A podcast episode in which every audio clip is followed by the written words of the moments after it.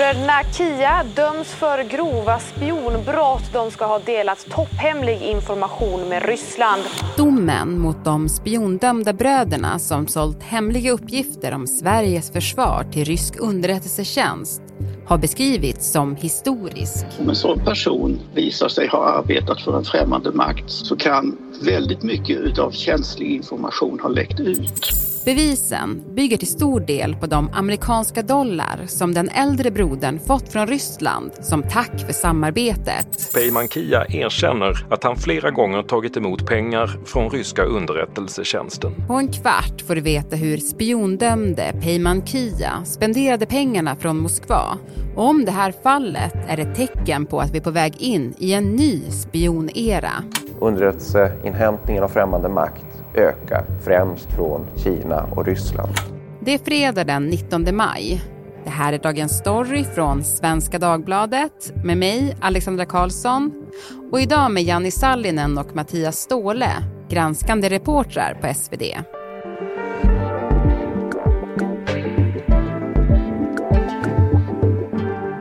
Hörni, Janni och Mattias, Idag när vi spelar in så är det onsdag 17 maj och idag skulle hovrättens dom mot spionbröderna kommit.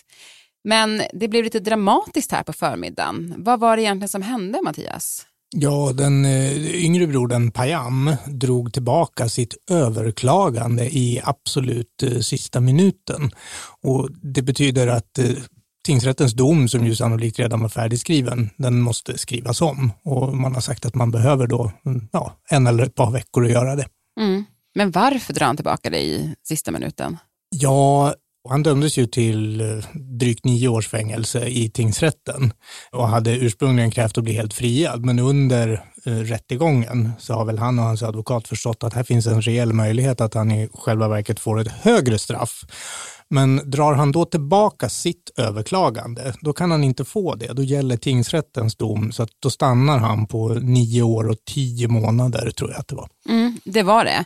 För att det var ju som du sa där, i tingsrätten så dömdes Peyman Kia, vilket är den äldre brodern, till livstidsfängelse för grovt spioneri och obehörig befattning med hemlig uppgift. Och lillebrorsan då, han dömdes då till nio år och tio månader för grovt spioneri. Och det som var under förhandlingen i tingsrätten var ju att båda de här bröderna förnekade all inblandning. Ja. Men sen hände en hel del efter den förhandlingen. Ja, precis. Domen föll och det som hände sen det är att eh, den äldre brodern, Peyman Kia, han som får livstidsfängelse i tingsrätten, det händer någonting här. Han har suttit häktad i, jag vet inte om det är ett och ett halvt år, sen faller domen och då efter tingsrättsdomen så händer någonting hos honom och han vill prata med några Säpo-agenter och de har ett möte och i, den, i de förhören så börjar han då erkänna Eh, han erkänner som vi har sett då ett fall där han har sålt äkta information, det vill säga riktiga hemligstämplade uppgifter och fått pengar för det från de som heter SVR i Ryssland och det är alltså Rysslands underrättelsetjänst för utrikesfrågor. Och här erkänner han då att eh, han har gjort det här men att han säger också att han, eh, han har dömts för alldeles för många spiongärningar, eh, hävdar han, än vad han i själva verket har utfört. För resten av det han sålde till ryssarna, det var fejkad information påstår han då. Och det här är förmodligen någonting som Svea hovrätt ska bedöma sanningshalten i. Mm. Så man kan säga att anledningen att han då började prata efter livstidsdomen är för att han kände att de dömde honom för hårt i tingsrätten. Han, han anser det, ja. Han säger att han, det är alldeles för många spiongärningar, så här mycket har han inte gjort. Det är det han påstår. Sen till skillnad från sin eh, lillebror så har ju Peyman absolut ingenting att förlora på att pröva alltså ett överklagande. Han kan ju inte få ett högre straff än livstidsfängelse. Medan lillebror Payam är ju i den andra sitsen att han kan ju faktiskt teoretiskt sett landa i en situation där han får ett allvarligare straff för att han har överklagat. Och det är väl därför han nu drar tillbaka sin del av det hela. Men det här att lillebrorsan nu då i sista stund drar tillbaka överklagandet, beror det på att hans storebrorsa har börjat snacka under hovrättsförhandlingen? Ja, det är klart att det måste ha spelat in i viss mån. Storebror har ju också skrivit brev till lillebror under de här förhören som har gjorts inför hovrättsförhandlingarna. Och där har han ju förklarat för lillebror att jag har börjat prata och jag har berättat precis hur det här har gått till. Om domstolen ska tro på oss så måste du också göra det. Eh, tyvärr ser det ut som att när lillebror får det här brevet av förhörsutskrifterna som är offentliga så ser det ut som att han reagerar och blir arg och vill inte prata. Och sen vet inte vi mer, för vi har ju inte suttit med vid själva förhören, utan vi kan ju bara läsa de delar som är offentliga. Och hur det går för storebrorsan då, alltså om hans livstidsdom fastställs, när får vi veta det? Den 25 maj. Peyman Kia var 27 år när han fick jobb på Säpo första gången. Efter att ha gått ut med toppbetyg från gymnasiet och tagit examen från juristprogrammet rekryterades han till Säkerhetspolisens aspirantprogram 2007. Några år senare började Peyman Kia samla in hemliga dokument från Säpo och militära underrättelsetjänsten MUST. Han skapade också krypterade hårddiskar för att kunna hantera filerna på sin privata laptop.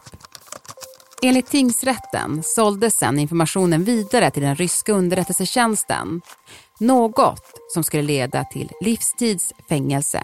Det är ju i det närmaste fullt bifall, framförallt när det gäller den äldre brodern, där vi menar att den rätta påföljden för gärningen är då livstidsfängelse. Janne och Mattias, nu ska vi fokusera på er granskning som handlar om pengarna som Peyman Kia ska ha fått av Ryssland då. Hur mycket pengar handlar det om? Det vi har följt eh, är ett exempel, det är en betalning på 50 000 dollar. Det finns ytterligare uppgifter på eh, 70 000 dollar, så runt eh, en och en halv, 1,4 miljoner kronor i dagens penningvärde. Det är de summorna som har satts i rörelse, eller åtminstone har vi följt stora delar av de pengarna. Och det har ju då skett genom olika processer som vi går igenom i den här granskningen som jag har skrivit. Mm.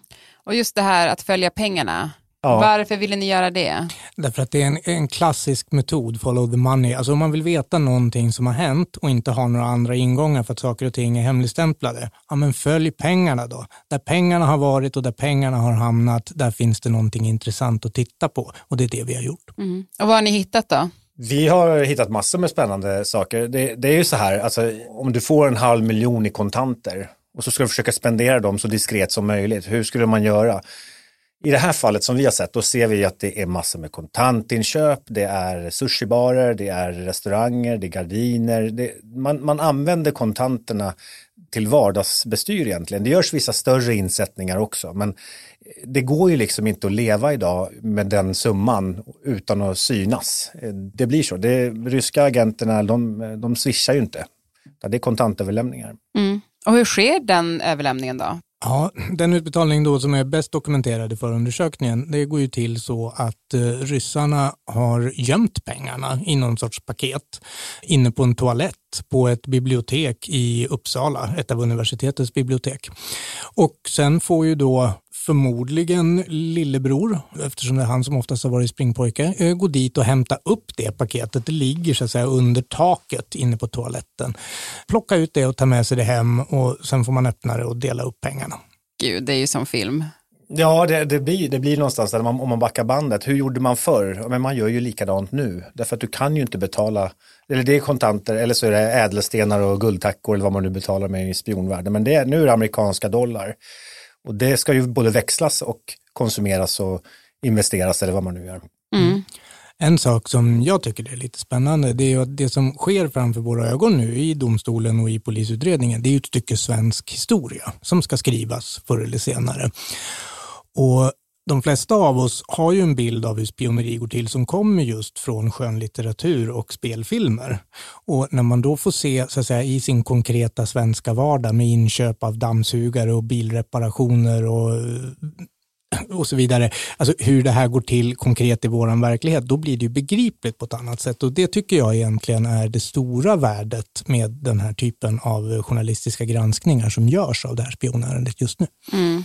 Att ryska pengar spenderas på vardagsinköp mm. till exempel, eller poolreparationer. Ja men precis, för det var ju en sak som man reagerade lite på i, i er granskning, att han då ska ha, ja men precis, velat renovera runt sin pool och velat betala det svart och sen spelat in ett samtal i samband med det. Mm. Det, det, är en väldigt speciell scen där och den här upptäckte vi, eh, man måste ju typ lusläsa hela 2500 sidor och hitta de här liksom, bitarna. Och det, det som sker är att han är hemma i sin villa. Av någon anledning så sätter han telefonen på inspelning. Förmodligen har han den i fickan då, men det framgår inte. Han går över grusgången och till, ut till trädgården, till poolen. Där står en hantverkare. Och de står och pratar i typ 12 minuter. Och här börjar han förhandla om att han vill betala hantverkaren svart. Och han lyckas få till ett pris och så prutar han på det också. Så det, det, är någonting, varför han spelar in det, det vet vi inte. Men det är också en scen som visar hur vardagligt det här är. På vilket sätt konsumerar Jo, men det här är ju ett sätt, det är 7000 kronor som ska spenderas här. Men han försöker också att växla in lite pengar, eller? Ja, alltså han får ju pengarna i dollar av ryssarna och för att då kunna handla med dem på ett diskret sätt så måste han ju först växla dem. Och då uppstår ju problemet att alla större banker och växlingskoncerner, de kräver ju besked om var kommer de här pengarna ifrån? Så att han och flera av hans vänner lägger ju ganska stor kraft och energi på att hitta sådana här mindre nogräknade växlingskontor som inte är så noggranna med var pengarna kommer ifrån. Och det lyckades han med? Det lyckades han ju uppenbarligen med, ja. Say hello to a new era of mental health care. Cerebral is here to help you achieve your mental wellness goals with professional therapy and medication management support. 100% online. You'll experience the all new Cerebral Way, an innovative approach to mental wellness designed around you. You'll get a personalized treatment plan from a therapist, prescriber, or both in a safe and judgment free space. Your Cerebral therapist or prescriber will outline a customized plan with clear milestones along the way so you can get to feeling your best. With Cerebral, you're not alone in your mental health journey. We're here to empower you to live a fulfilling life. So take that first step towards a brighter future and sign up today at cerebral.com slash podcast and use code ACasts to get 15% off your first month. Offer only valid on monthly plans. Other exclusions may apply. Offer ends July 31st, 2024. See site for details. Men Janni, ni har granskat 50 000 dollar, hur de används. Eh, och det finns uppgifter på då att han skulle ha fått 70 000 dollar till, alltså 1,4 miljoner svenska kronor, ungefär. Vad säljer man för uppgifter för att få den typen av pengar? Mm. Väldigt stora delar av just det här är ju belagt med sekretess, men det finns några spår. Man ser att det finns något som heter polismanualer. Vi vet inte om man har sålt det här, men det finns att det, finns, det är inte sekretessbelagt. Det är polismanualer, det är uppgifter från Tullverket eh, och så finns det också en mening och det är Säpos fullständiga personallista. Vi vet inte om man har sålt den, men den, den syns i utredningen, den är inte sekretessbelagd. Och då kan man fråga sig, om man nu säger att den skulle ha läckt, vad innehåller en sån? Säkerhetspolisen har ju jättemycket hemlig personal. Till exempel kan det handla om personer som jobbar som källdrivare, det vill säga man, man har grupperingar som man, där man har hjälp av egna eh, typ spioner då, som ska kolla vissa saker. Om de här uppgifterna röjs, om en liten del av det röjs, då, får de, då måste de klassa allt som röjt. Så det här betyder att du måste typ omorganisera Säpo. Om, om det stämmer. Mm. Och vad skulle Ryssland kunna göra om de har den då? Säpos personallista till exempel? Byteshandel med, ja, finns det uppgifter om eh, personer från Iran eller Kina? Jag, jag vet inte, nu spekulerar jag, men jag menar, du, där kan det ju finnas väldigt mycket. Det här är sånt som kan vara värdefullt i utbyte med underrättelseinformation. Ja, men redan i grund så att det är ju hemligt hur många personer som jobbar på Säpo och vilka de är. Och får du då en lista med namn, adress och telefonnummer till samtliga som jobbar där så är det klart att det är värt väldigt mycket för en utländsk underrättelsetjänst. Mm. Alltså det måste ändå vara något ganska allvarligt man har sålt för att få den typen av summor, eller? Ja, det är svårt att värdera eh, vad Ryssland liksom är beredd att betala och ville betala och vad, vad, vad den här spionen accepterar som betalningen. Eh, det, alltså, det vi vet är ju att Peyman Kia har ju, eftersom han har jobbat inom MUST, alltså militär underrättelsetjänsten i Sverige och Säkerhetspolisen under en period och hoppat däremellan så har han ju i alla fall haft kompetensen att förstå värdet av informationen. Eh, men hur många dokument ingår i 50 000 dollar? Det vet vi ju inte. Han hävdar att det är ett sant dokument men, eh, och resten är falska. Så det här är väldigt svårt att värdera. Men man kan ju ganska lugnt säga att även om vi inte vet exakt vad det står i de olika dokumenten, man får inte 50 000 dollar av ryssarna för att sälja strunt. Punkt. Okej. Vet vi varför han ville spionera för Ryssland? Hans egen förklaring är ju att han behövde pengar, det vill säga uteslutande ekonomiska motiv. Och svårt för oss att argumentera för eller mot det. Mm. Ja, men det här med att, att få stora summor eh, kontant betalning i dagens samhälle, kanske speciellt i Sverige där vi ju inte använder kontanter. Alltså kommer inte det göra det svårare att anlita spioner i framtiden?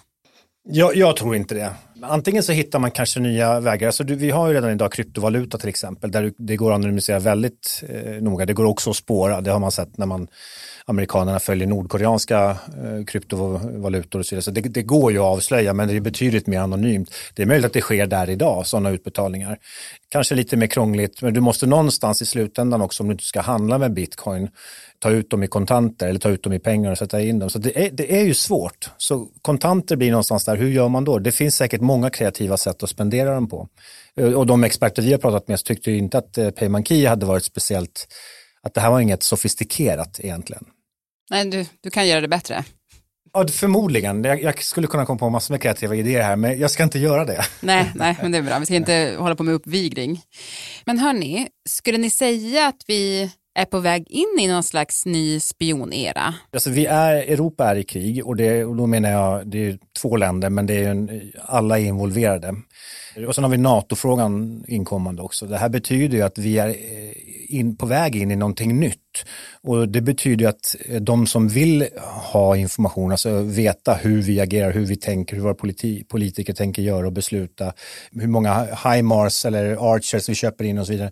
Det vill man veta och det kommer man vilja veta ännu mer. Så att det kommer att bli fler spioner. Om fler grips eller inte, det, det får vi ju se. Men det, det kommer ju, Säpo kommer att vara på sin vakt ordentligt tror jag. Mm.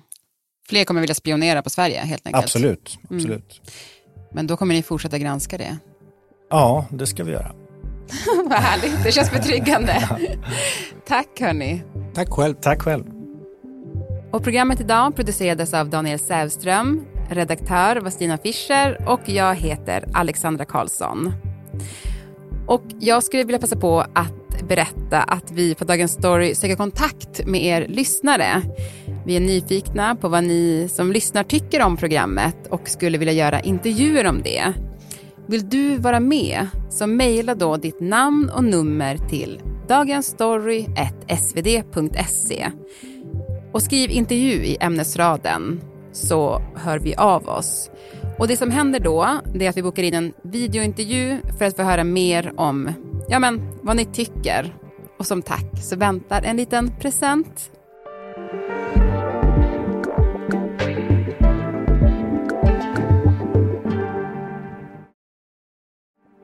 Och klippen i programmet kom från Aftonbladet, P4 Uppland, Sveriges Radio Ekot och Sveriges Radios program Gräns.